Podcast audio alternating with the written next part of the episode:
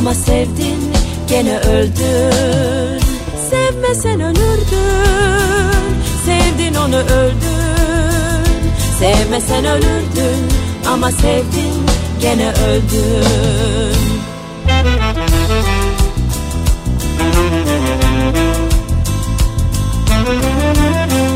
Ay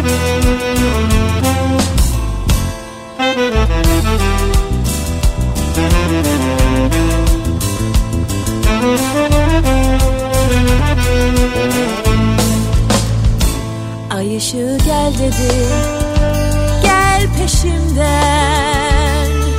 İnat olsun ele güne. Düştüm onun peşine. Rüzgar oldum Sürdüm düşlerimi göğe. Vay vay sevdin onu. Vay vay sevdin onu. Vay vay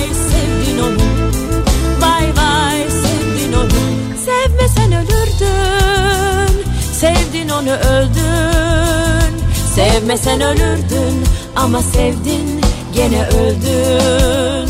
Sevmesen ölürdün Sevdin onu öldün. Sevmesen ölürdün Ama sevdin gene öldün. Sevmesen ölürdün Sevdin onu öldün.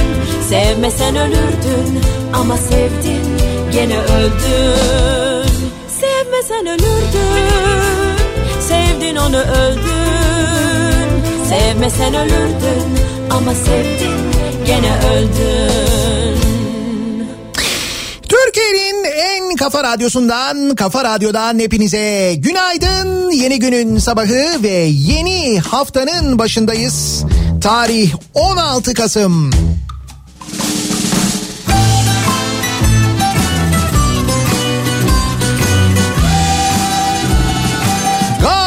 Karanlık bir İstanbul sabahından sesleniyoruz. Türkiye'nin ve dünyanın dört bir yanına hem karanlık hem soğuk Hafta ortasına doğru yağışların yeniden Türkiye'yi etkisi altına alacağı bir hafta başlangıcı aynı zamanda. Ve muhtemelen soğuğun biraz daha artacağı Ay veya muz ne fark eder doğalgaz konusunda hepimizin biraz daha heyecanlanacağı bir hafta aynı zamanda. Ha tabii bu durumda kombiye hepimiz şey diyebiliriz. Bak işine kardeşim diyebiliriz. Ya da belki karşımıza çıkan ne varsa böyle diyebiliriz. Bak işine kardeşim diye.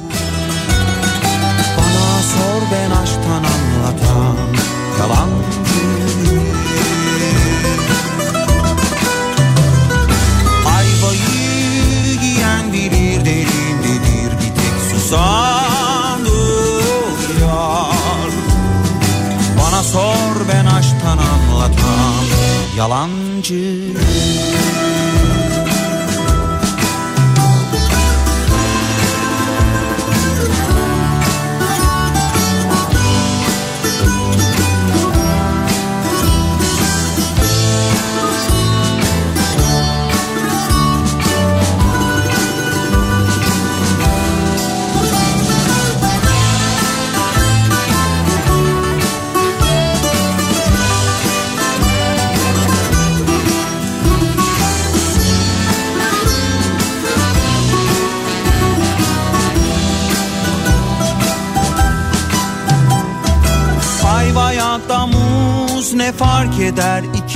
de yolunmuşuz.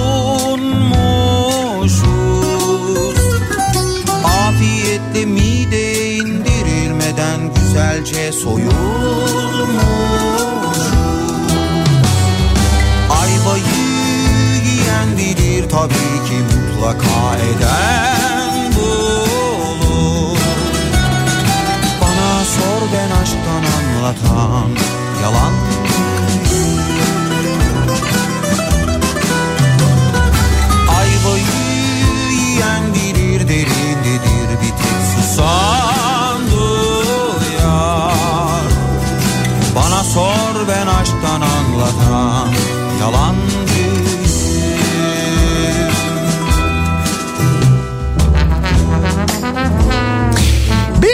tartışmayla geçen bir hafta sonunu geride bırakıyoruz.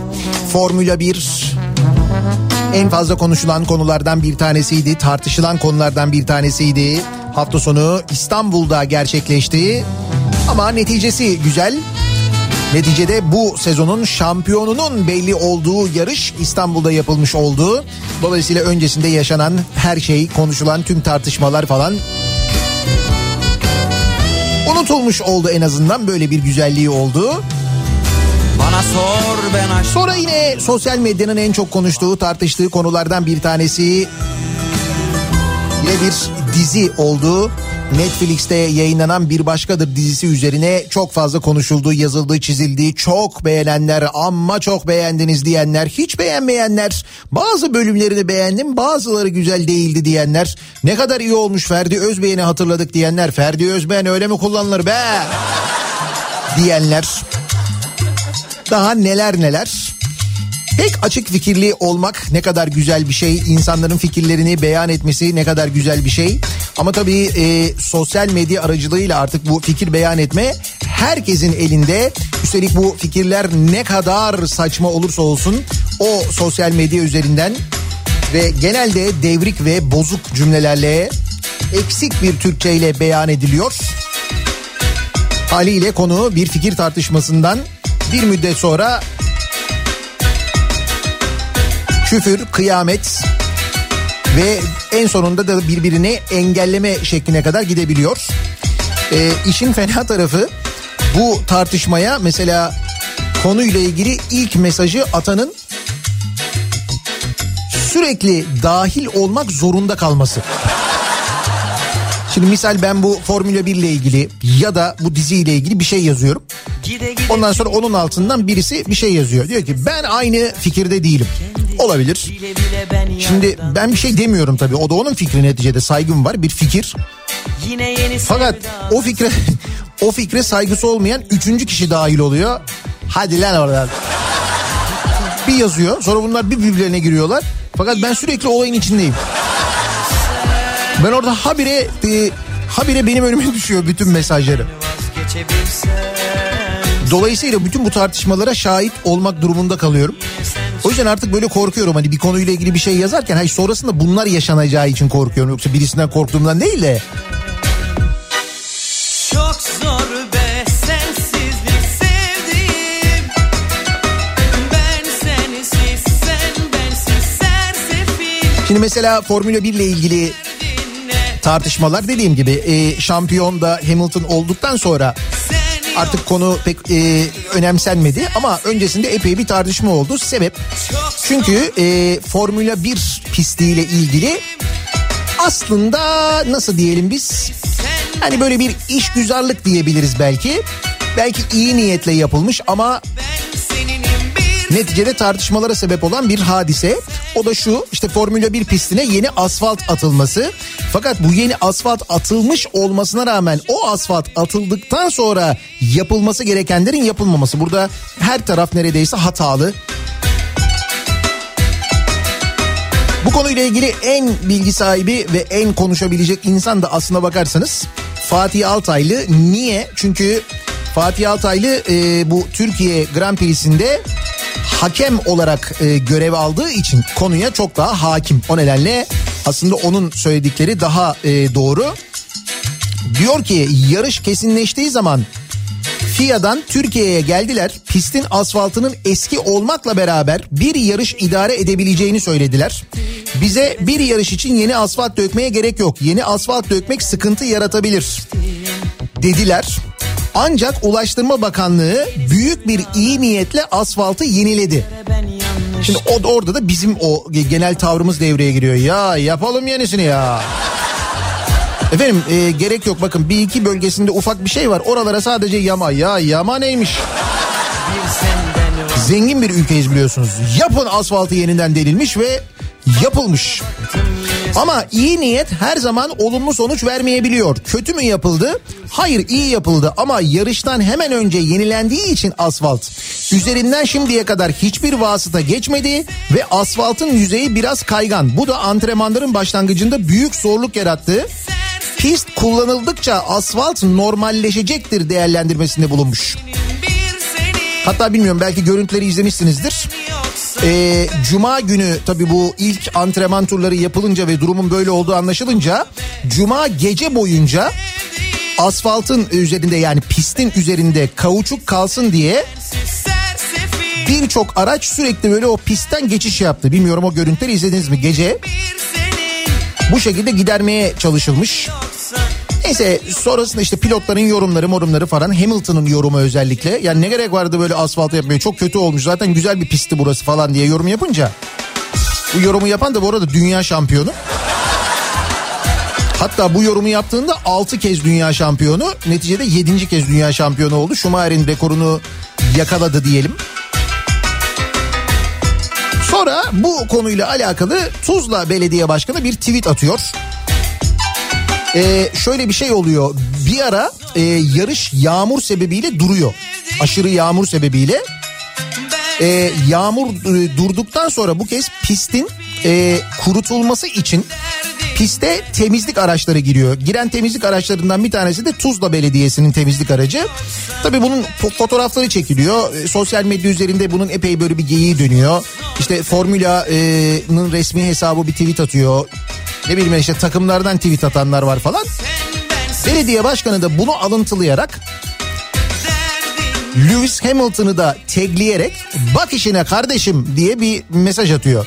Tabii şimdi Hamilton'ın açıklamaları arkasından bu falan gelince ya bu bir kere espri ise bile çok kötü bir espri de espri olarak da algılanmıyor doğal olarak. Ee, Tuzla Belediye Başkanı Lewis Hamilton'a 6 kere dünya şampiyonu olmuş o ana kadar.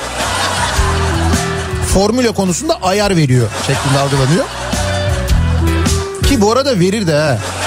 Yani sen kimsin lan Hamilton? Sen kimsin yani? Gelmişsin burada bizim ilçe sınırlarımız içinde gelmişsin araba kullanıyorsun bir de. Ha? İşte bu nedenle böyle e, sosyal medya üzerinden epey uzun bir tartışma. mecburum. Sonra belediye başkanı kendisini eleştirenlere ayar veriyor falan. Neyse dediğim gibi sonuçta Hamilton dünya şampiyonluğunu bu yarışta ilan ediyor da Dünya zalim hiç halim yok farkındayım. bütün bu tartışmalar geride kalıyor. Diyorduk ki dokunmayın. Ondan sonra ne oluyor? Ödül töreni hani bu meşhur bir ödül töreni var ya en son böyle podyuma çıkıyorlar işte birinciye kupa veriliyor falan. Ondan sonra o kupa verildikten sonra da meşhur bir görüntü vardır. Formülada bir adettir o. Ee, ne yapılıyor işte bir büyük böyle bir şampanya şişesi geliyor. Şampanya şişesi patlatılıyor. Pilotlar birbirlerini ıslatıyorlar falan filan yani. Peki bizde ne oluyor? Şampanya şişesi var mı? Var. İçinde ne var? Gazoz. Gazoz var gazoz. Hepsi yapış yapış adamların. Şaka yapmıyorum ha ciddi söylüyorum. Bunu nereden öğreniyoruz? Şa- e, şampanya yerine gazoz olduğunu nereden öğreniyoruz? E, Mercedes McLaren'in e, Mercedes McLaren takımının yöneticisinin yaptığı açıklamadan öğreniyoruz. E, Gazetecilere diyor ki e, işte diyor bu törenden sonra diyor Lewis'le birlikte Hamilton'la birlikte diyor döneceğiz diyor. Döndüğümüzde diyor artık diyor gazoz yerine podyumdaki gazoz yerine başka bir şey içerek kutlarız herhalde diyor. Gazoz ne ya? Ne ya ne? Ne oldu şimdi mesela orada şampanya patlatılmadı da ne oldu mesela ne oldu? Hani neyi başarmış olduk biz mesela neyi engellemiş olduk nedir mesela boyumuz ne kadar uzadı kaç santim uzadı ne oldu?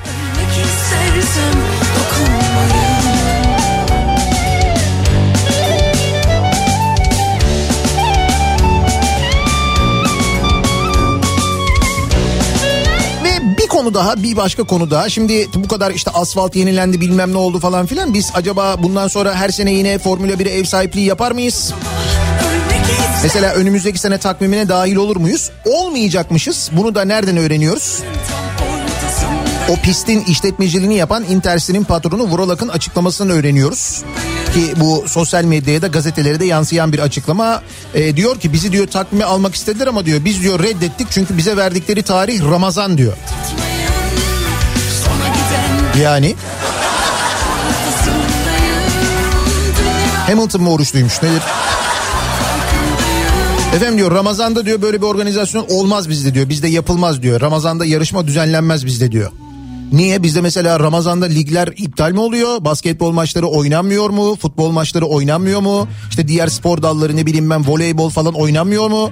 Ramazan'da böyle mi geçiriyoruz biz Ramazan'ı? Her şeyi iptal mi ediyoruz? ıslanmış Öyle bir şey var da bundan sonra böyle yapılacak da bizim mi haberimiz yok acaba? Ve gerçekten de Ramazan'a denk geldiği için biz reddetmişiz takvimde yer almayı iyi mi? Ramazan'da seyirci gelmezmiş. Temiz yalan Öyle mi?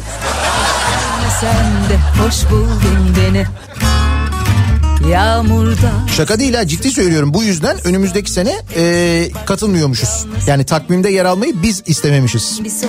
kedisi Yani doğruysa bu açıklama beni Kalbinde bir yer herhalde Vural Bey'in bildiği bir şey var önümüzdeki Ramazan'a dair ki bizim bilmediğimiz. Hoş buldun beni İster misin Ramazan'da seçim olsun? Yok canım. Dinlense başım göğsünde. Gelene kadar çok yordular beni. Gerçekten hayal gibi burada olmak şimdi senle. Koyu vereceğim aşk diye ismini. Güzel gözlüm, bebek yüzlüm, kahramanım benim. Yemin ederim çok seveceğim seni. Yatıştırdın, yakıştırdın kalbine kalbimi. Yemin ederim çok seveceğim seni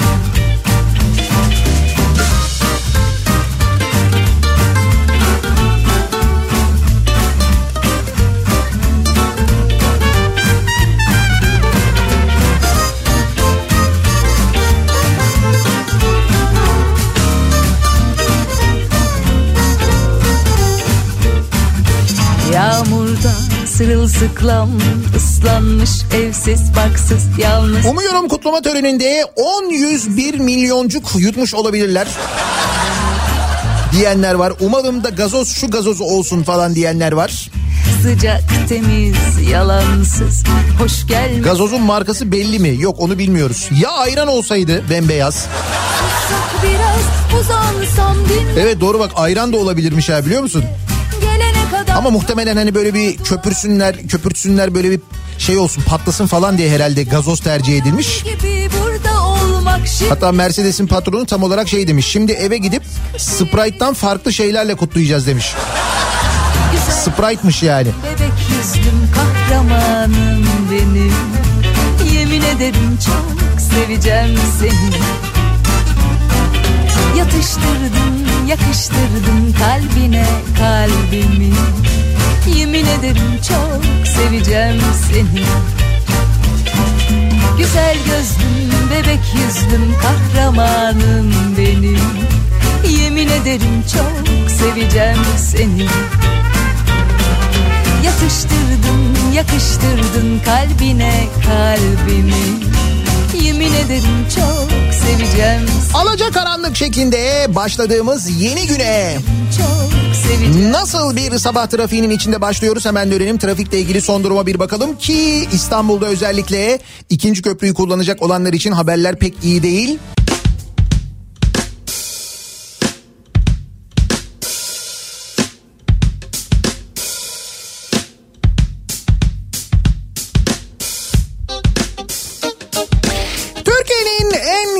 Radyosunda devam ediyor. Day 2'nin sonunda Nihat'la muhabbet. Ben Nihat Sırdar'la. Pazartesi gününün sabahındayız. Tarih 16 Kasım 7.30'u geçtik. Bugün gün içinde sağda solda gördüğümüz tüm gazozlara farklı gözle bakacağımız bir güne birlikte başlıyoruz. Gazoz ya. Ne gazozu ya? Niğde gazozu? Denizliler çok iddialılar. Diyorlar ki nerede görsek tanırız zafer gazozuydu o diyorlar. Formula 1'de e, ödül töreni sırasında podyumda şampanya şişesinin içine e, gazoz koymuş bizimkiler. Sana kandım süttü Ama Bu davranış büyük takdir topladı herhalde. kandım süttü Şimdi bugün asıl konuşacağımız konu e, ilerleyen dakikalarda pandemi. Pandemi üzerine konuşmalıyız çünkü gerçekten de durum çok vahim. Ve durum e, bu kadar vahim olmasına rağmen de genel olarak acayip bir aymazlık var maalesef. İşte bunlarla ilgili konuşacağız ama öncesinde tabii konuşacağımız başka konular var. Canikolar var. Mesela e, Miss Uganda var. Geçen haftadan kalan bir haber mutlaka duymuşsunuzdur. Ee, hatta biz de konuşmuştuk. Esencilis'ta meydana gelmişti. Ki Esencilis'ta kokoreççinin altına gizlenen bir pavyon ortaya çıkmış. Esenciles giderek daha esrarengiz bir ilçe olmaya devam ederken ki isminden belli yani Esenyurt artık Esencilis'a dönmüş vaziyette. İşte o Miss Uganda e, yarışması virüse davetiye çıkardı diye bir haber önce böyle basında yer aldı. İstanbul Esenyurt'ta bir eğlence mekanında Miss Uganda adı altında güzellik yarışması düzenlendi. Yarışmada salgınla mücadele kapsamında alınması gereken hiçbir tedbire uyulmadığı görüldü. Şimdi nasıl oluyor da oluyor? Şöyle oluyor. Ee, İstanbul'daki Afrik, Afrikalı nüfusunun büyük bölümü artık oralarda yaşıyor çünkü. Eskiden biraz daha şehrin içindeydiler. Şimdi biraz daha o tarafa doğru kaydı. Özellikle Esenyurt ve civarında çok fazla Afrikalı var. Afrika ülkelerinden gelip Türkiye'de yaşayanlar var. Dolayısıyla onların kendi aralarındaki bir etkinlik gibi düşünülebilir ki daha önce de buna benzer bir şey olmuştu orada. Şimdi bununla ilgili o mekanla alakalı yetkililer ceza kesiyorlar falan bu haberler çıktıktan sonra. Ertesi gün bir başka e, eğlenceye polis tarafından yine baskın yapılıyor. E, eğlence mekanda bulunan yabancı uyrukluların pasaport kontrolü yapıldı. Baskında mekandaki kişilerin korona tedbirlerini ihlal ettiği görüldü. Ayrıca eğlence mekanında bulunan yabancı uyruklu kişilerin Miss Uganda yarışmasına katılan yarışmacılar ve davetliler olduğu öğrenildi. Sana kandım Kutlamalar devam ediyor. Devam ediyor. Sana kandım süttü Hele hele yandım süttü Sana kandım Demek ki onlar da artık bize uyum sağladılar. Hani böyle sallamadıklarına göre koronavirüsü vur patlasın çal oynasın şeklinde eğlendiklerine göre umursamadıklarına göre artık baya baya bizden olmuş vaziyetteler. Yalnız bu arada şu anda bilmiyorum siz görebiliyor musunuz ama İstanbul'da e, Boğaz üzerinde öyle enteresan bir manzara var ki yani bir gri bulut tamamen böyle aşağıya doğru çökmüş ve boğazı tamamen kapatmış vaziyette. Onun üstünde hava açık. Çok acayip bir şey görüyorum ben şu anda. Muhtemelen siz o griliğin içinde beni dinliyorsunuz. Halbuki öyle gri değil söyleyeyim size. Üstü açık yani. Dönelim Ugandalılar kendi güzellerini Esencilis'ta seçerken, eğlenirken biz ne yapıyoruz? Biz birbirinden başarılı projelere imza atmaya devam ediyoruz sevgili dinleyiciler. Misal Samsun'dan gelen bir haber var. Yeni köprü, yeni köprü açılmadan çöktü. Daha açılmamış bile köprü. Samsun'da yaşanan bir olay ülkedeki en büyük rant ve gelir aracı olan inşaat sektörünün içler acısı halini ortaya koydu. Belediyenin ihale ettiği Çalköy Köprüsü daha yapılırken çöktü. Yapılırken derken bayağı yapılmış bitmiş gibi duruyor. 10 mahallenin ilçe merkeziyle bağlantısını sağlayacak olan köprünün atılan betonun ağırlığıyla yıkılması sonucu inceleme başlatıldı. Neyi inceleyecekler acaba? Bakalım bunu yapan salak hanginiz? Arkadaşlar sizi inceliyoruz. Gelin bakalım buraya. Bak yine liyakata geldik görüyor musun? Hey gidi koca dünya tam yükümüzsün Söyle söyle fani dünya dert küpümüzsün Samsun demişken Samsun'dan bir haber daha var. Şimdi Samsun'da geçen yıl e, Cumhuriyet Kupası artistik buz pateni yarışması yapılacakmış. Gidi 2017 yılında açılan böyle e, uluslararası standartlara sahip bir buz pisti varmış, bir tesis varmış Samsun'da ve burada e, Cumhuriyet Kupası artistik buz pateni yarışması yapılacakmış ama yapılamamış. Neden? Çünkü e, buz erimiş. Demişler ki efendim demişler teknik bir aksaklık oldu. Buz eridi o yüzden yapamıyoruz. Fakat ortaya çıkmış ki salon görevlileri çok elektrik yakıyor diye tasarruf için pistin elektrik fişini çekmişler ve buzların erimesine sebep olmuş. Efendim bu bina ne? Buz pisti. Buz nerede? Eridi. Niye? Çok elektrik yakıyordu başkanım yani. Bir görseniz sayaç böyle vızır vızır dönüyordu ya.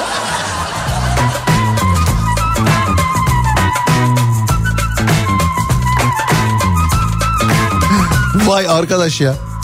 Buz pistinin fişini çekmişler değil mi? Bu bina niye var? Buz olsun diye var değil mi?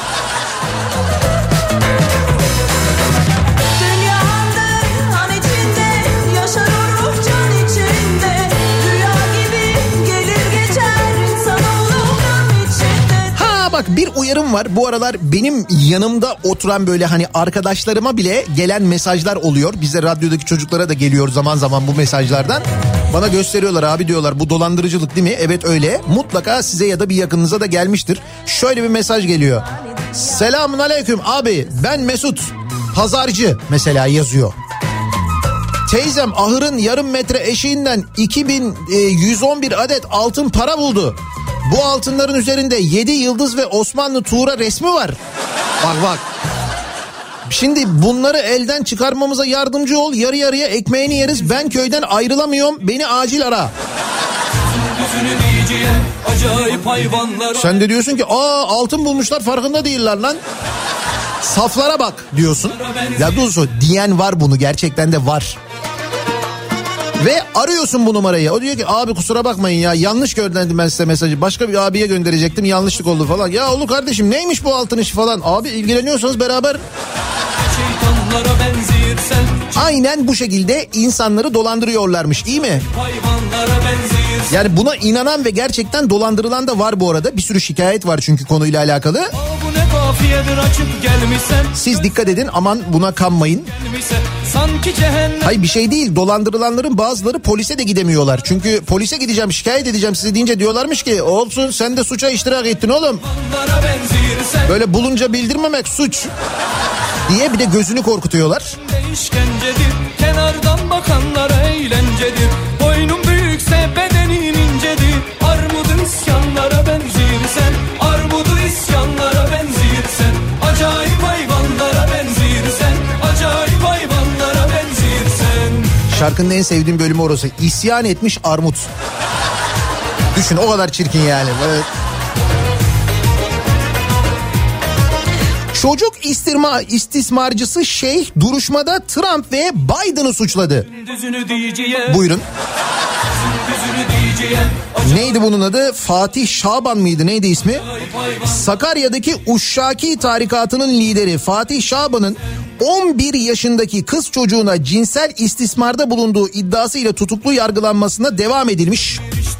Geçen hafta hatırladınız bu tipi değil mi? Gecede eve sürüne sürüne gelirsen Fatih Şaban duruşmada 4 saat ifade verdi. Amerika'nın şimdiki başkanı Donald Trump ve 20 Ocak'ta başkanlık koltuğuna oturacak Joe Biden ve FETÖ'yü suçlayan Şaban ifadesinde Trump'ın aldığı karar ve Biden'ın da görüş olarak bildirdiği üzere İslam cemaatlerini bitirmek için saldırılar başlamıştır. FETÖ terör örgütüne karşı yaptığımız reddiyeler sebebiyle bu durum başımıza gelmiştir. Acayip görünüşün Trump toplamış kurmaylarını mesela. Demiş ki evet arkadaşlar bu Fatih Şaban'ı ne yapacağız? 51 ekran Efendim bir iftira atalım kendisine.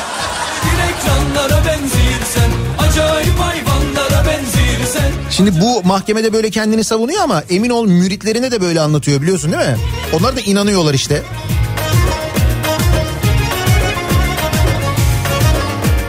Nasıl bir cahiliye döneminden geçiyoruz? Nasıl? İncin sen de sözün düzünü diyeceğim İncin sen de sözün düzünü diyeceğim Acayip hayvanlara benziyor Vefat ilanı üniversitede kadrolaşmayı ortaya çıkardı. Ya bu çok ilginç bir haber. Bakın nerede oluyor bu? Gaziantep Üniversitesi'nde Gaziantep Üniversitesi'nin internet sitesinde yer alan bir vefat ilanı üniversitedeki akrabalık anı ve kadrolaşmayı ortaya çıkarmış. İlanda ölenin kimliği değil, üniversitenin idarecileri ve öğretim görevlileri e, yakınlık bilgileri yer almış. Yani biri ölüyor, üniversitenin internet sitesinde bir vefat ilanı yayınlanıyor ama o ölenin e, yakınlarını sayıyorlar. Hepsi üniversitede görevli ve hepsi akraba. Hani kadrolaşmayı ortaya çıkarmak için sen uğraşıp böyle bir şey koysan oraya derler ki komplo. Bunlar kendileri koyuyorlar bu ilanı oraya.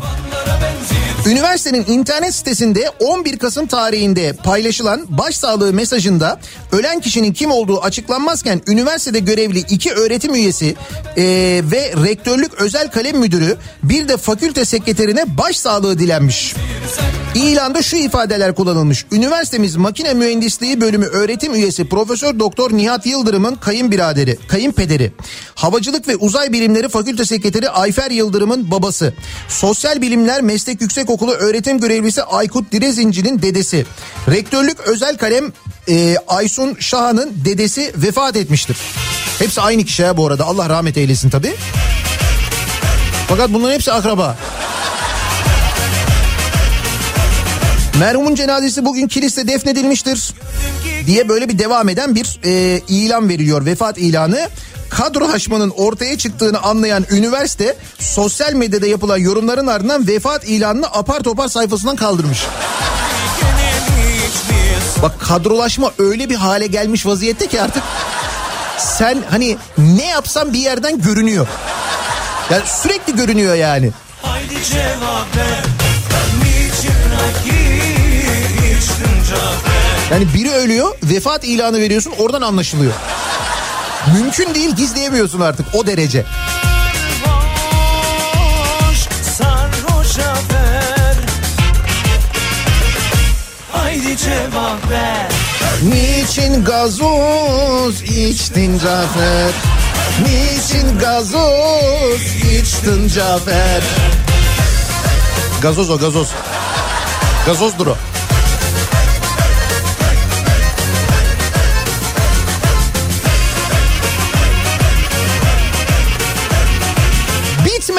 otogar yapmışlar. Bitmeyen otogar. Nerede bitmemiş? 2017'de temeli atılmış, son teknolojiyle yapılmış. Ancak tamamlanamıyormuş. Artık nasıl bir teknolojiyse günümüz teknolojisi tamamlayamıyor onu düşün. Neredeymiş bu teknolojik otogar? Ordu'daymış sevgili dinleyiciler. Ordu Büyükşehir Belediyesi tarafından önceki AKP'li yönetim tarafından temeli atılan ve 2 yılda tamamlanması gereken 25 milyon liralık şehirler arası otobüs terminali 25 milyon lira zamanında bitmeyince maliyeti iki katına çıktı. Yarım kalan terminali tamamlamak için belediye meclisinden iki kez borçlanma yetkisi alan Başkan Hilmi Güler bir kez daha borçlanma yetkisi isteyince terminalin maliyeti 43 milyon liraya çıkmış oldu. 43 milyon mu? Orduya ne otobüs geliyorsa düşün yani. Ne oluyor? Ne kadar teknoloji bir 43 milyonluk otogar neymiş ya? 43 milyon. Mesela otobüs yolcu bırakmak için girdiğinde otomatik olarak bakımları falan da mı yapılıyor? Hani öyle mi giriyor çıkıyor mesela otobüs? Öyle bir yer herhalde değil mi? Ordulular ne diyorlar bu duruma? 43 milyon liranın otogara harcanmasına.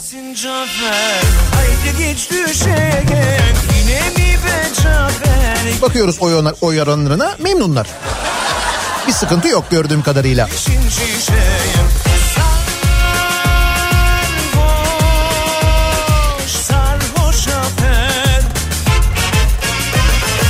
Haydi cevap ver be agacım be. Niçin rakip?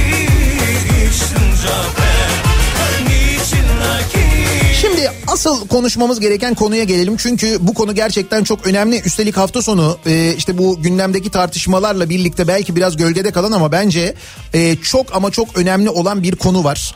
Pandemi konusu. Çünkü öyle bir noktaya gelmiş vaziyetteyiz ki sevgili dinleyiciler gerçekten de inanılmaz e, bir vaka sayısıyla karşı karşıyayız. Hastanelerde yer bulunamayan bir noktaya gelmiş vaziyetteyiz. E, artık doktorların e, hastaları seçmek zorunda kaldığı yani hani bunun yaşama ihtimali var bunun yaşama ihtimali yok dediği ve bu bu yönde yatış yaptıkları noktaya gelmiş vaziyetteyiz. Ve durumun ne kadar vahim olduğunu nereden öğreniyoruz? Hafta sonu İstanbul Büyükşehir Belediye Başkanı e, Ekrem İmamoğlu'nun yaptığı açıklamadan öğreniyoruz. İmamoğlu diyor ki İstanbul'da kapanma şart. Bakanlığın Türkiye'nin tamamında vefat sayısının 92 e, olduğunu açıkladığı gün e, İmamoğlu diyor ki sadece İstanbul'da bulaşıcı hastalık sebebiyle ki bulaşıcı hastalık sebebiyle ölüm demek bu dönemde %99 korona demek zaten. Hani öyle başka bir yaygın bulaşıcı hastalık yok çünkü. Sadece İstanbul'da 164 kişi öldü diyor İstanbul Büyükşehir Belediye Başkanı. Bakın Sağlık Bakanlığı diyor ki 92 kişi öldü bütün Türkiye'de e, ama İstanbul Büyükşehir Belediye Başkanı diyor ki sadece İstanbul'da aynı gün 164 kişi öldü diyor. Nitekim İstanbul'daki mezarlıkların yakınlarından geçerseniz eğer bugünlerde işte Topkapı tarafından geçerseniz, Silivri Kapı tarafından geçerseniz, Zincirlikuyu tarafından ya da Karacaahmet tarafından geçerseniz gerçekten de olağan dışı bir hareketlilik olduğunu görüyorsunuz mezarlıklarda. İnanılmaz bir görüntü var. Ben hayatımda böyle bir şey görmedim. İşte biz o noktadayız. Ve burada diyor ki e, belediye başkanı İstanbul'da diyor 15 günlük bir kapanma şart. Nitekim bilim kurulu üyelerinin de bu yönde e, tavsiye e, verdiği e, bir kapanma olması gerektiği ama bununla ilgili bir karar alınamadığını görüyoruz. Bu arada bütün bunlar olurken e, İstanbul'da bir toplantı daha gerçekleştiriyor ee, Sağlık Bakanı Fahrettin Koca ve bu toplantıya yine İstanbul Büyükşehir Belediye Başkanı davet edilmiyor sevgili dinleyiciler yine ama bu kez eleştirilere önlem olarak vali ile emniyet müdürü de çağrılmıyor. Hani diye sorarlarsa diyecekler ki efendim vali ile emniyet müdürünü de çağırmadık canım onu niye çağıralım falan diye. Çağırmamışlar yine İmamoğlu'nu inat devam ediyor yani. Peki kapanma şart mı? Yani bu şart mı? Bir e, umursamazlık, bir aymazlık var mı? Maalesef kesinlikle var. Evet sokağa çıkmak zorunda olan, evet çalışmak zorunda olan insanlar var. Buna kimsenin bir itirazı yok. Ancak hafta sonu örneğin Taksim'de çekilen görüntüler var. Pes dedirten görüntüler gerçekten de tıklım tıklım adım atacak yer yok İstiklal Caddesi'nde öyle bir kalabalık var. Şimdi pazar günü İstiklal Caddesi'ne gitmenin ne zorunluluğu olabilir? Hangi zorunlulukla insanlar oraya gitmiş olabilirler? Demek ki bir aymazlık var. Peki ne olacak? Yani nasıl bir önlem alınacak? Ne yapılması gerekiyor? Bakın biz e, bunu konuşurken o sırada e, sağlıkçılar nasıl koşullarda çalışmak zorunda kalıyorlar biliyor musunuz? Ankara Üniversitesi Hastaneler Başhekimi Profesör Doktor Tanıl Kendirli koronavirüse yakalanan sağlık emekçilerinin tedavilerinin ardından test sonuçları pozitif çıksa bile göreve başlayacaklarını belirten bir yazı göndermiş bütün hastanelere. Yani diyor ki siz diyor hastanede görev yaparken diyelim koronaya yakalandınız diyor. Korona tedavisini göreceksiniz. Sonra diyor tedavi bittikten sonra 10 günlük tedavinin ardından diyor geleceksiniz tekrar çalışmaya başlayacaksınız diyor. Dicle Üniversitesi Hastaneler Başhekimi Profesör Doktor Mehmet Akta sağlık çalışanlarının maske ile çalışmaya devam edecekleri talimatını veriyor. Türk Tabipler Birliği sağlık çalışanları hastayken çalışmaya zorlanılıyor diyerek tepki göstermiş bu duruma. Bakın sağlıkçılar bu halde e, ölüm sayıları bu e, seviyeye gelmiş vaziyette. Vaka sayılarını gizlediklerini bizden en başından beri gizlediklerini artık dünya alem herkes biliyor. Yalan söylüyorlar bize. Yani Sağlık Bakanlığı en başından itibaren vaka sayısı konusunda yalan söylüyor. Bunun yalan olduğu ortaya çıktı artık. Çok net bir şekilde hepimiz biliyoruz. Ve geldiğimiz nokta bu. Sadece İstanbul'da bir günde sadece İstanbul'da 164 kişi hayatını kaybediyor. Bunu bizzat İstanbul'un belediye başkanı söylüyor. Önerilerde bulunuyor. Bilim kurulu önerilerde bulunuyor. Bu öneriler ne kadar kale alınıyor, ne kadar ciddiye alınıyor ya da alınacak bilmiyoruz. Ama biz dinleyicilerimize, bizi dinleyen mesela sağlık çalışanlarına, bizi dinleyen evet kapama olmalı ama bakın biz şu sektördeyiz, biz çalışmalıyız diyenlere herkese soruyoruz. Sizin bu konuda bir öneriniz var mı? Sizin bu durum karşısında bir öneriniz var mı? Hastalığın giderek yayıldığı, ikinci dalganın artık tavan yaptığı şu ortamda vaka sayılarının doğru açıklanmadığı, bizden gizlendiği bu ortamda sizin bir öneriniz var mı diye soruyoruz ve bu önerileri bizimle paylaşmanızı istiyoruz bu sabah sevgili dinleyiciler. Pandemi önerim bu sabahın konusunun başlığı. Sosyal medya üzerinden yazıp gönderebilirsiniz mesajlarınızı. Twitter'da böyle bir konu başlığımız, bir tabelamız, bir hashtagimiz e, mevcut. Çok e, hakikaten önemli bir konu. İnsan hayatından daha kıymetli bir şey yok ve gerçekten de şu anda hepimizin hayatı, sevdiklerimizin hayatı çok ciddi bir tehdit altında bu salgın hastalık yüzünden başladığı andan itibaren en kritik dönemdeyiz, en zor dönemdeyiz. Peki ne yapmalıyız bu dönemde konuşuyoruz. Dinleyicilerimizden mesajlar bekliyoruz. Arzu ederseniz WhatsApp üzerinden yazabilirsiniz 0532 172 52 32 0532 172 kafa. Buradan da yazabilirsiniz mesajlarınızı. Reklamlardan sonra yeniden buradayız. muhteşemdi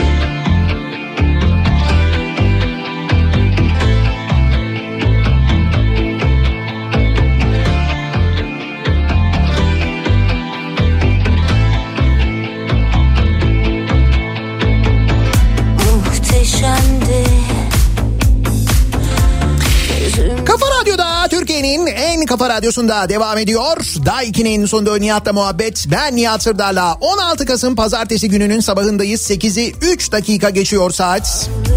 Gündemi oldukça yoğun, magazin gündemi daha da yoğun bir hafta sonunu geride bırakırken bence hepimizin daha e, fazla önemsemesi gereken çünkü direkt olarak hayatımızı, sevdiklerimizin hayatını ilgilendiren bir konu bir tartışma var gündemde. Aslında ne olduğunu bildiğimiz ama artık e, gizlenemez hale gelen ve gün yüzüne çıkan vaka sayılarının gizlenmesi, ölüm sayılarının gizlenmesi ve durumun Türkiye için hiç iyi bir hale gelmediği gerçeği net bir şekilde ortada duruyor. İşte hafta sonu 92 ölüm açıklıyor mesela bütün Türkiye'de Sağlık Bakanlığı. İstanbul Belediye Başkanı Ekrem İmamoğlu çıkıyor diyor ki hayır İstanbul'da sadece bulaşıcı hastalıktan dolayı ölenlerin sayısı 164 diyor. Sadece İstanbul'da durum böyle. Nitekim İstanbul'daki hastanelerin durumunu biz görüyoruz. E, mezarlıkların durumunu her gün biz görüyoruz ne halde olduğunu. Şimdi hal böyle olunca kapanılmalı mı, kapanılmamalı mı, ne yapılmalı konusunda e, birçok konu var ama bir şey yapılmıyor. Biz dinleyicilerimizden öneriler bekliyoruz. Ne yapılmalı acaba diye soruyoruz dinleyicilerimize. Bakınız doktor bir dinleyicimiz göndermiş Bülent Bostanlı diyor ki saat 1 bu fotoğraf gece saat 1'de çekildi. Bir tulum giymiş beyaz bir tulum eldivenler maske koruyucu siperlik. İşte bu halde gece 1'de ölü muayenesine gidiyorum. Ya böyle gi- e, giyinsinler ya da evde otursunlar ölüyoruz çünkü diyor. Bir sağlık çalışanı dinleyicimiz bir hekim dinleyicimiz bunu yazmış mesela. aynı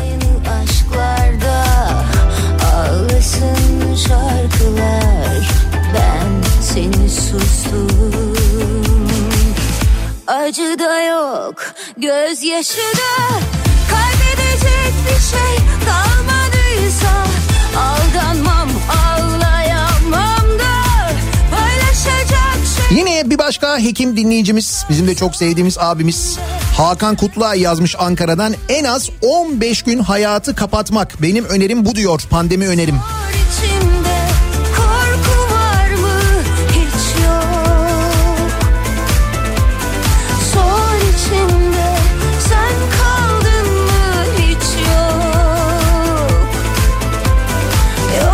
içimde Taksim'e çıkalım herkes birbirine sarılsın bitsin bu iş. Devlet de kurtulsun halk da kurtulsun. Nasıl olsa ne devlet anlıyor ne de halk anlıyor diyor bir dinleyicimiz. Hafta sonu e, İstiklal Caddesi'nden gelen görüntüler gerçekten inanılmaz görüntüler. Belli ki artık konuya tamamen alıştık. Bir aymazlık var nasıl olsa bana bir şey olmaz aman boş ver durumundayız. Ama işte durum öyle değil. O başladığımız ki korku yok. İstanbul'dan Arzu diyor ki Ekrem İmamoğlu yanlış yapıyor. Sakın ha sakın İstanbul'u kapatmayın demeliydi. O zaman tersini anında yaparlardı. Şimdi o önerdi ya ölsek de zor hayatta kapatmazlar diyor. Ve maalesef doğru söylüyor. İmamoğlu tersini söyleseydi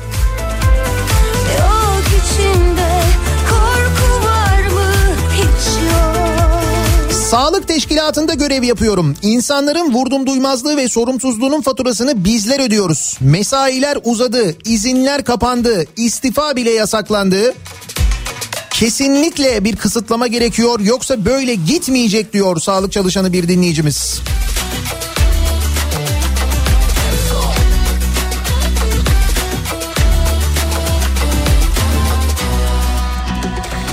Bir ilçe belediyesinde çalışıyorum İstanbul'da. 10 yaş altı iki çocuğum olduğu halde uzaktan çalışma imkanım olduğu halde amir inisiyatifine bağlı denilerek valilik kararı uygulanmıyor.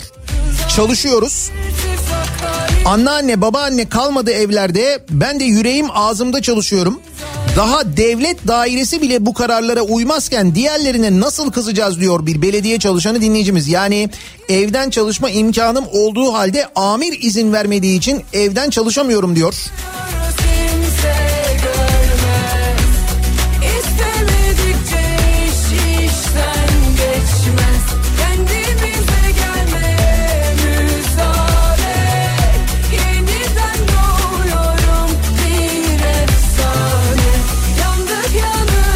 İki hafta boyunca sokağa çıkma yasağı. Bu sürede bütün herkese yapılacak olan test sayesinde hastaların gerçek sayısı ve tedavi yapılabilirse pandemiyle mücadelede büyük yol alabiliriz. Ben herkese test yapılabileceğini sanmıyorum. Diyelim yapıldı gerçek rakamı zaten öğrenemeyiz mümkün değil. Test yaptırmak isteyenlerin hastaneler önünde oluşturdukları kuyrukları bilmiyorum gördünüz mü devlet hastanelerinin önünde nasıl kuyruklar var? O kuyrukta beklerken o hastane çevresinde ya da hastanenin içinde zaten değilseniz bile olma ihtimaliniz son derece yüksek. Makbule diyor ki hazır okullar da bir haftalık tatile girmişken ki şu anda biliyorsunuz bir ara tatilde okullar. Bir Nisan'daki bir haftalık tatili de ekleyip iki hafta herkes eve kapansa. Bu arada herkese tıpkı nüfus sayımındaki gibi evlerde test yapılsa. Covid'li Covid'siz diye herkes ayrılsa, tedavilere başlansa, iki haftadan sonra da herkes işine gücüne başlasa ama gece gündüz vardiyalı olarak çalışsa kim kabul etmez? Bence herkes kabul eder. Sadece bir ay sürecek. Ha bu arada kiralar, faturalar, ödemeler de bir ay ertelenecek. Olmaz mı acaba diyor. O son kısmına kadar aslında mantıklıydı ama o bir ay faturalar ertelenecek bilmem ne olacak falan.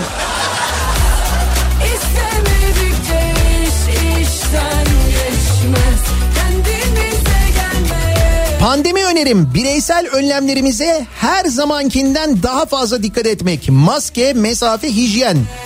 Şimdi tamam biz bunları uyguluyoruz ama bu tedbirlerin yeterli olmadığını şu anda net bir şekilde yaşıyoruz ve görüyoruz değil mi hep beraber?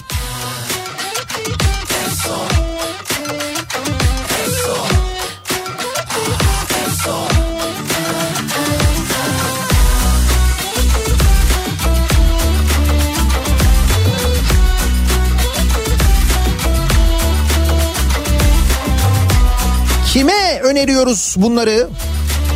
5 maskeyi bile dağıtamayanlara mı öneriyoruz diye soruyor Neşe.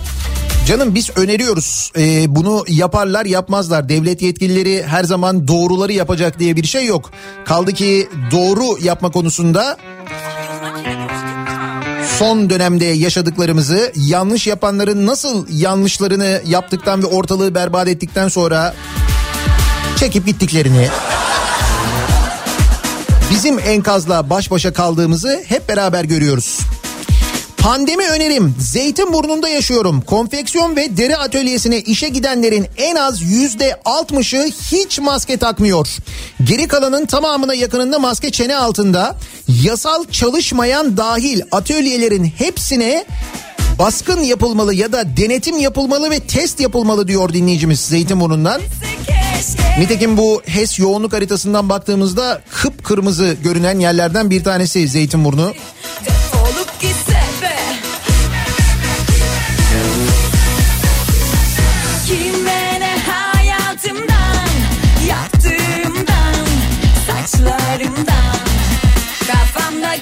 Bakınız doktorlar ne diyorlar? Profesör Doktor Güner Sönmez. Çevremdeki doktor arkadaşların 12-13'ü diğer sağlık personelinin 20-25'i Covid oldu. Salgının başına göre sağlık çalışanlarında neredeyse 10 kat daha fazla enfeksiyon var. Bir an önce kapanmaya gitmek dışında şansımız yok. Muharip gücünüzü kaybederseniz savaşı kaybedersiniz diyor. Profesör Doktor Güner Sönmez söylüyor bunu. Profesör Doktor Mustafa Can Kurtaran da yanıt veriyor kendisine. Hocam 8 aydır söylediğimiz öneri kabul görmüyor. Özellikle son 2 haftadır iyice arttı. Çember falan kalmadı. Çember kırıldı çoktan. Ne faydası var anlamadım. Toplam vaka sayısı, ölü sayısı inanılmaz artıyor. Sağlıkçılar enfekte oluyor. Grip aşısı yok diyor. Bakın bunları kendi aralarında konuşanlar sosyal medya üzerinden ama konuşanlar ikisi de sağlık alanındalar. İkisi de profesör doktor kıymetli insanlar. Onlar durumu bu şekilde anlatıyorlar.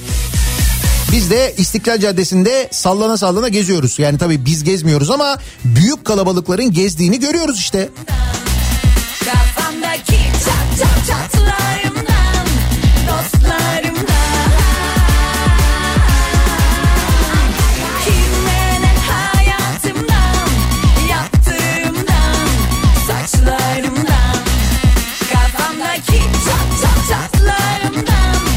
Pandemi önerim şeffaflık. Başka bir çözümü yok diyor bir dinleyicimiz.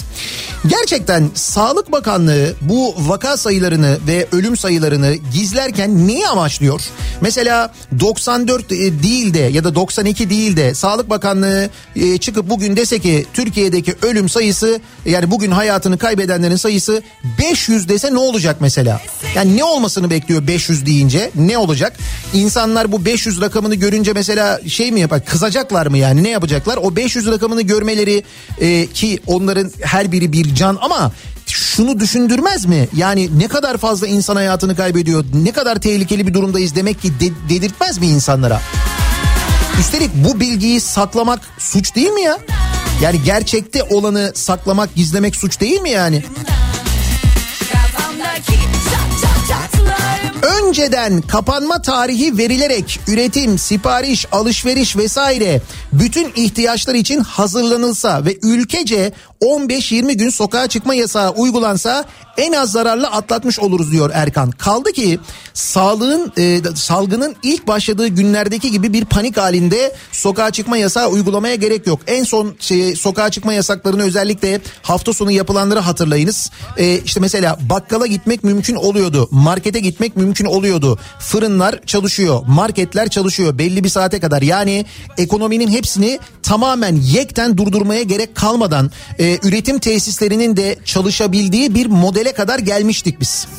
Yani o noktaya kadar gelmiştik. Dolayısıyla hani ekonomiyle ilgili bir endişe varsa şayet onu da e, giderebilecek bir e, kısıtlama modeline aslında ulaşmıştık, gelmiştik. Neden o uygulanmıyor? Yani neden onu yapmıyoruz mesela?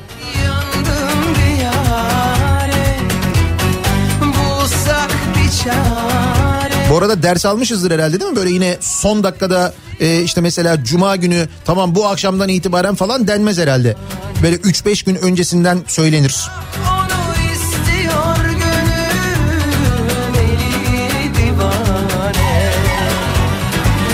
Pandemi önerim şeffaflık, pembe tablolar çizmek değil. Durum neyse olduğu gibi paylaşmak. O zaman insanlar ceza ödemekten korktukları için değil, gerekli olduğunu anladıkları için kurallara uyacaklardır diyor dinleyicimiz. Ah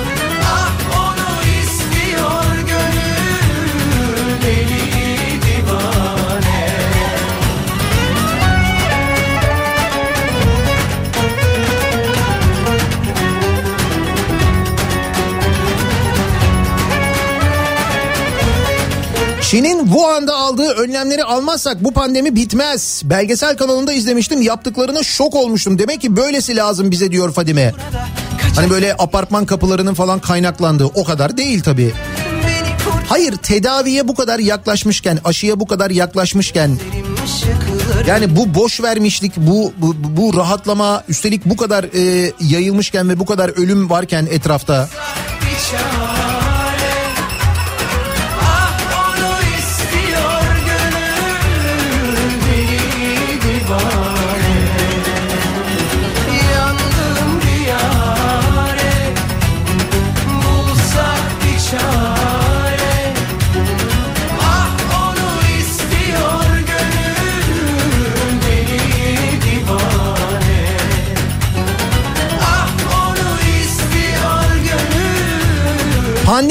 önerim şu. Lütfen veriler eski ÖSYM başkanını hatırlatırcasına şifreli açıklanmasın.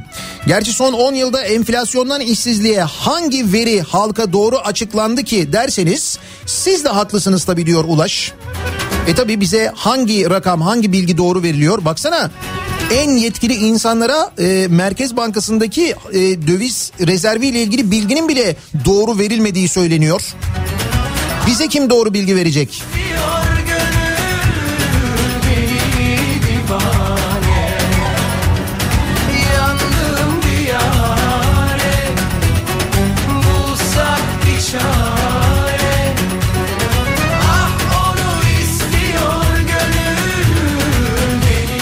Küçücük yerlerde bile hastaneler yoğun bakımlar dolu. İnsanlar kuyrukta test yaptırmayı bekliyor. Doktorlar bunlar iyi günlerimiz. Sokakta ölecek insanlar diyor. Ama başkaları hala ekmek bulamıyorlarsa pasta yesinler modundalar maalesef diyor bir dinleyicimiz. Evet böyle bir e, vurdum duymazlık aslında her iki taraftan da yönetici tarafında da var. Maalesef vatandaşta da tuhaf bir vurdum duymazlık var maalesef. Ama işte rakamların doğru açıklanmaması, Bilemem doğru bilgilerin insanlara verilmemesi bu aymazlığa, bu vurdum duymazlığa sebep oluyor gibi görüşülüyor. İstanbul'da en görkemli sitelerde 19-20 katlı binaların asansörlerine bile maske takmak zorunlu zorunlu uyarısı astıramadım. Tam 10 gündür uğraşıyorum diyor bu binalardan birinde yaşayan bir dinleyicimiz.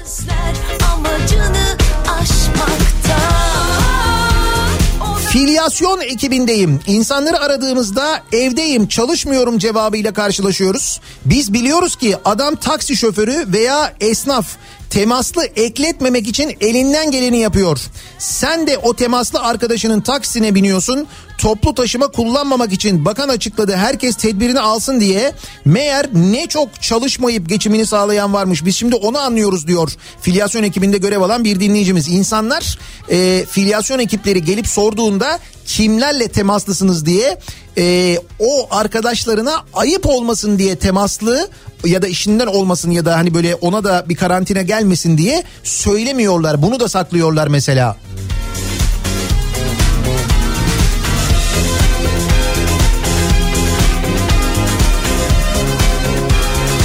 Burası İzmir Karabağlar Sanayi Sitesi. Son durumumuz bu. Çok yüksek riskli bölge diye geçiyormuş orası da.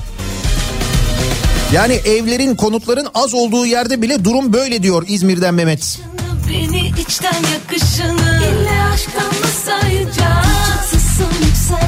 Çok gezen seyahat eden biri olarak birçok üst düzey otel dahil HES sorgulaması yapılmıyor. Göstermelik formlara kodunuzu yazmanız yeterli görülüyor. Çok tehlikeli, riskli temaslılar ortada geziyor maalesef demiş bir başka dinleyicimiz. hayat sana güzel. Ve tam da bu ortamda biz şimdi pandemi önerileri alırken dinleyicilerimizden hani ne yapılmalı diye konuşurken böyle bir manzarayla karşı karşıyayız. Bir dinleyicimiz hatırlatıyor diyor ki siz neyi konuşuyorsunuz diyor ya. Haftaya pazartesi günü bütün sınıfların eğitime başlaması planlanıyor diyor. Bu arada okulların açılmasıyla birlikte bazı sınıfların eğitime başlamasıyla birlikte vaka sayılarındaki artışın nasıl hızlandığını gördük değil mi? Şimdi pazartesi günü durum böyleyken bütün sınıfları eğitime açıyormuşuz.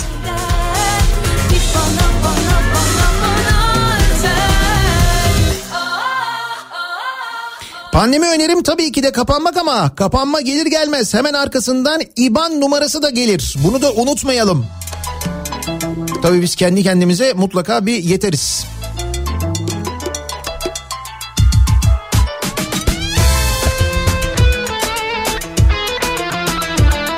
Acaba önlem yoksa oy yok diye e, tek açıp TT mi yapsak? Belki o zaman dikkat çekeriz.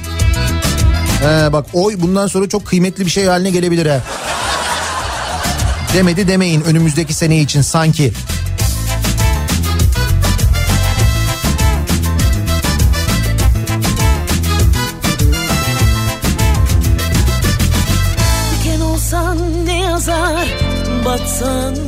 Batsan kanatsan Kabuk tut her yanım sen Yardan öte olmuşsun Beni sen doldurmuşsun Nihat Bey geçen hafta teyze oğlumu kaybettik. Burası Yeni Kayabaşı Mezarlığı. 2 ila 3 arasında buradaydım ben. En az 15 cenaze geldi. Bir doktor e, belli olmasın diye aynı araçta 4 cenaze getiriyorlar. Dozerler harıl harıl çalışıyor, önden kazıyor. Üstünü yetişmek için tekrar dozerle kapatılıyor. Tabutla gömüyorlar insanları gördüğünüz gibi demiş bir dinleyicimiz.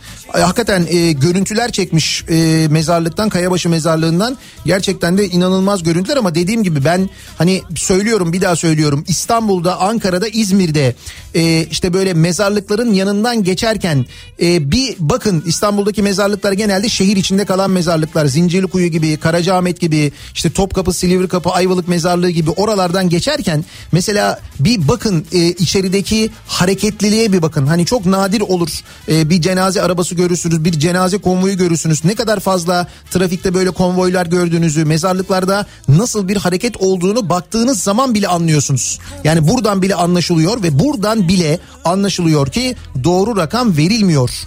Yardan öte olmuşsun Beni sen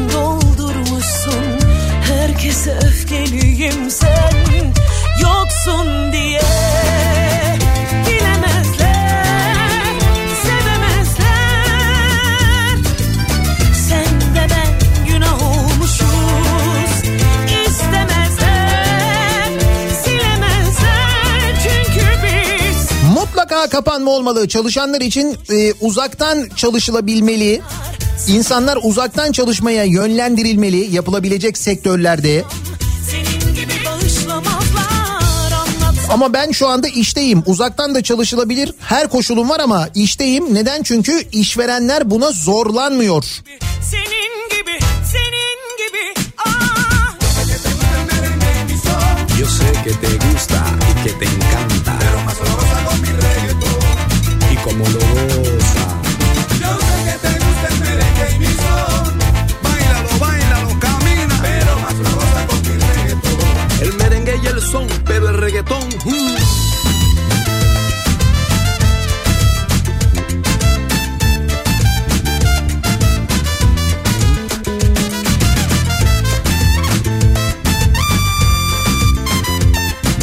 Pandeminin en tehlikeli, en kötü günlerini yaşıyoruz.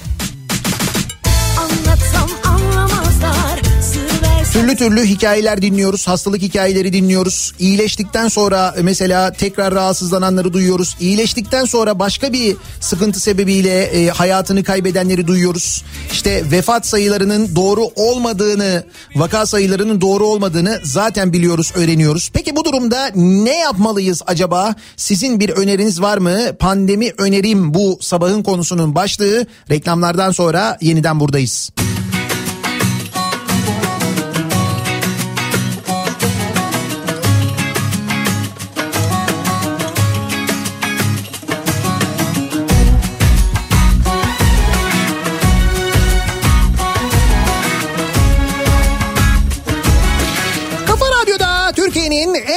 Radyosunda devam ediyoruz.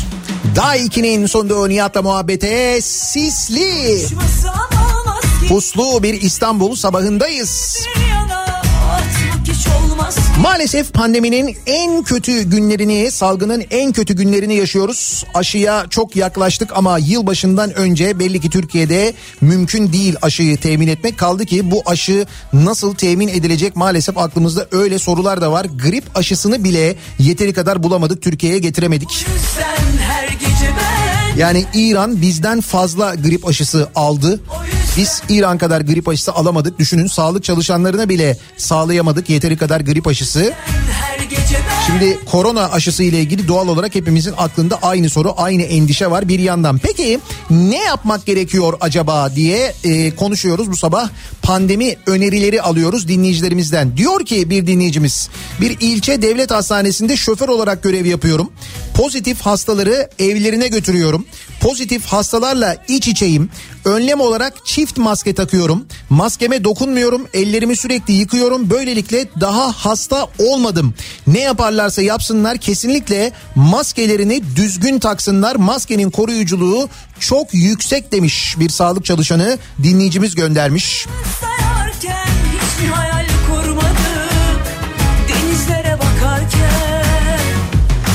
Mühendisim, tasarım ofisinde çalışıyorum. Yani tüm işimiz bilgisayar üzerinden.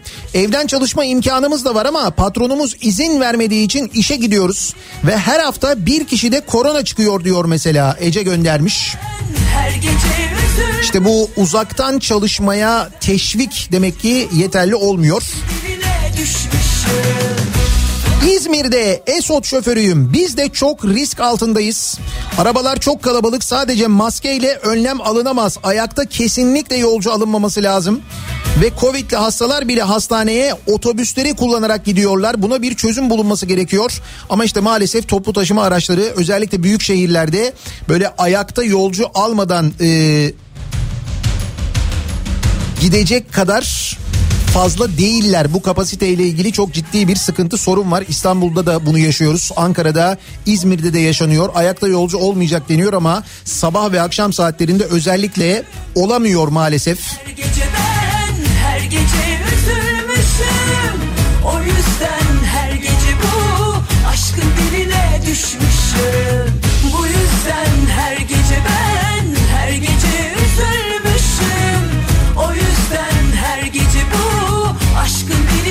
düşmüşüm Bu yüzden her gece ben her gece üzülmüşüm O yüzden her gece bu Pandemi önerim öncelikle gerçekleri vatandaşla paylaşmak. Yalan söylememek yani. Ortalıkta bir sürü dedikodu var. Neymiş? Korona değil bize dayatılan ilaçlar tedavi yöntemi öldürüyormuş. Neyimizi dizayn etmeye çalışıyorlar. Buyurun bir de böyle şeyler var tabii böyle dedikodular var. Böyle fısıltı gazetesiyle yayılan cahil cühelanın uydurduğu şeyler var maalesef.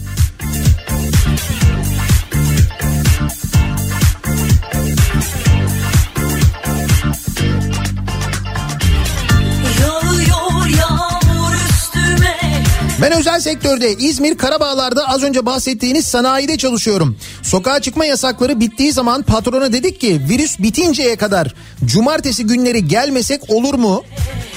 Acaba yok öyle bir şey bitti zaten virüs dedi. Sonra ne oldu? Kendileri ailece komple pozitif oldular maalesef diyor bir dinleyicimiz. Karım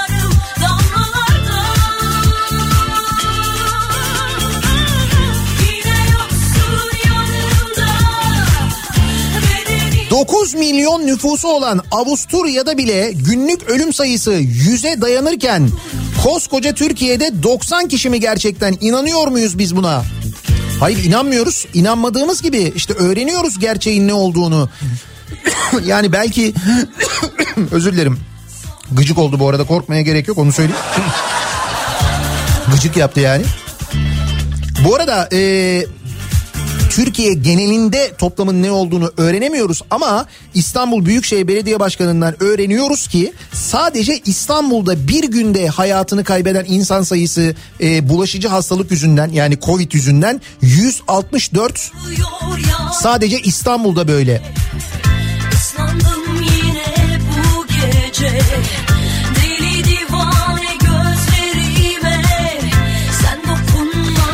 Birçok ailede zannediyorum böyle. Karı kocadan biri zaten çalışmıyor, ücretsiz izinde oluyor. Hasta olduğunun farkında olan da teste gitmiyor. Eve gönderilecek, eline daha az gelir geçecek diye. Herkes de en azından çoğunlukta ilk endişe gelir. Zaten yetmiyor bir de bundan bundan kesilsin mi azalsın mı diye bakıyor insanlar. Geçim derdi yüzünden insanlar söylemiyorlar hasta olduklarını demiş mesela bir dinleyicimiz haklı olabilir. Mümessilim bizler hastaneden hastaneye geziyoruz. Kendimizi değil sadece gittiğimiz yerlerdeki herkesi ailemizi tehlikeye atıyoruz. Çoğumuz hastalığı kapmaya başladı. Bir kısmımız taşıyıcı ama bilmiyor. Bize gelen bir yaptırım yok. Çalışmamız isteniyor mecbur çalışıyoruz diyor mesela. Mümessiller de bu durumdalar.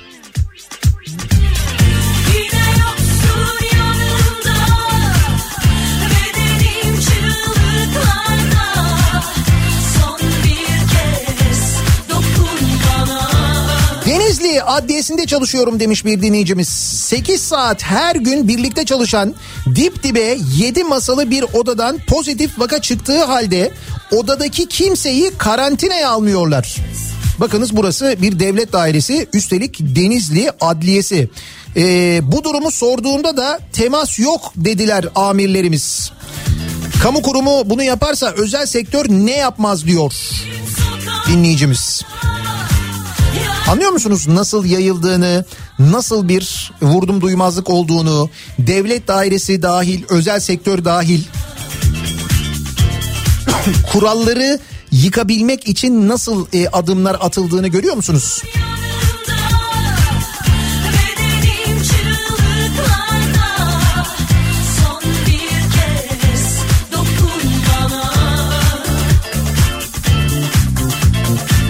Toplum sağlığı için kibirinden dolayı yetkilileri bir masada birleştirmeyen bir yönetim varken ve üstüne sağlıkçılara yapılan kaba kuvvetle darp eden vatandaş mevcutken benim pandemi önerim bu durumda çok komik kalabilir diyor dinleyicimiz. Sonuna kadar haklı.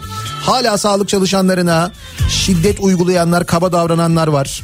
İşte daha geçen gün Sağlık Bakanı İstanbul'da yine bir toplantı yapmış. O toplantıda yine belediye başkanı yok, çağrılmamış.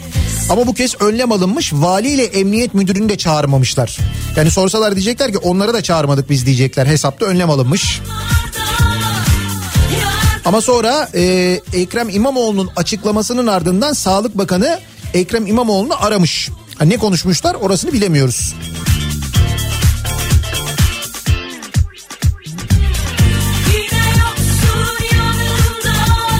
Ayda bir kez anne babamın mezarını ziyaret ederim. Bu cuma gittiğimde mezarlara su taşıyan çocuklar abla gelmeyin biz de bırakıyoruz. Günde 30-40 cenaze geliyor korkuyoruz dediler. Burası Adana. Hastanelerden randevu bile alamıyoruz diyor dinleyicimiz. Kabuslarda İşte Adana'da da durum böyle. Ne yapmalı, ne etmeli acaba sizin bir pandemi öneriniz var mı diye soruyoruz bu sabah dinleyicilerimize. Reklamlardan sonra yeniden buradayız.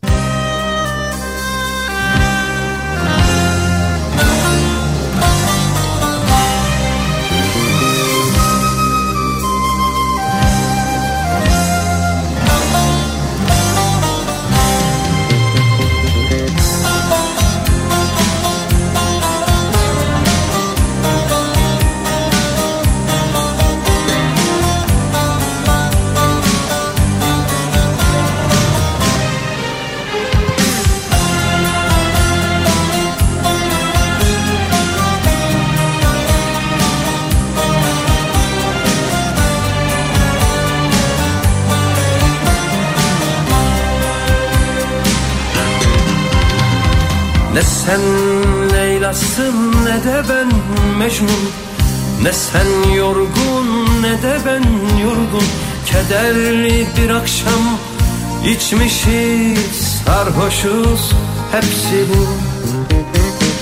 Ne sen Leyla'sın ne de ben Mecnun. Ne sen yorgun ne de ben yorgun. Kederli bir akşam içmişiz sarhoşuz hepsi bu. Hep sonradan gelir aklım başıma. Hep sonradan sonradan. Hep sonradan gelir aklım başıma. Hep sonradan. Hep sonradan gelir aklıma. Hep sonradan sonradan. Hep sonradan gelir aklım başım Hep sonradan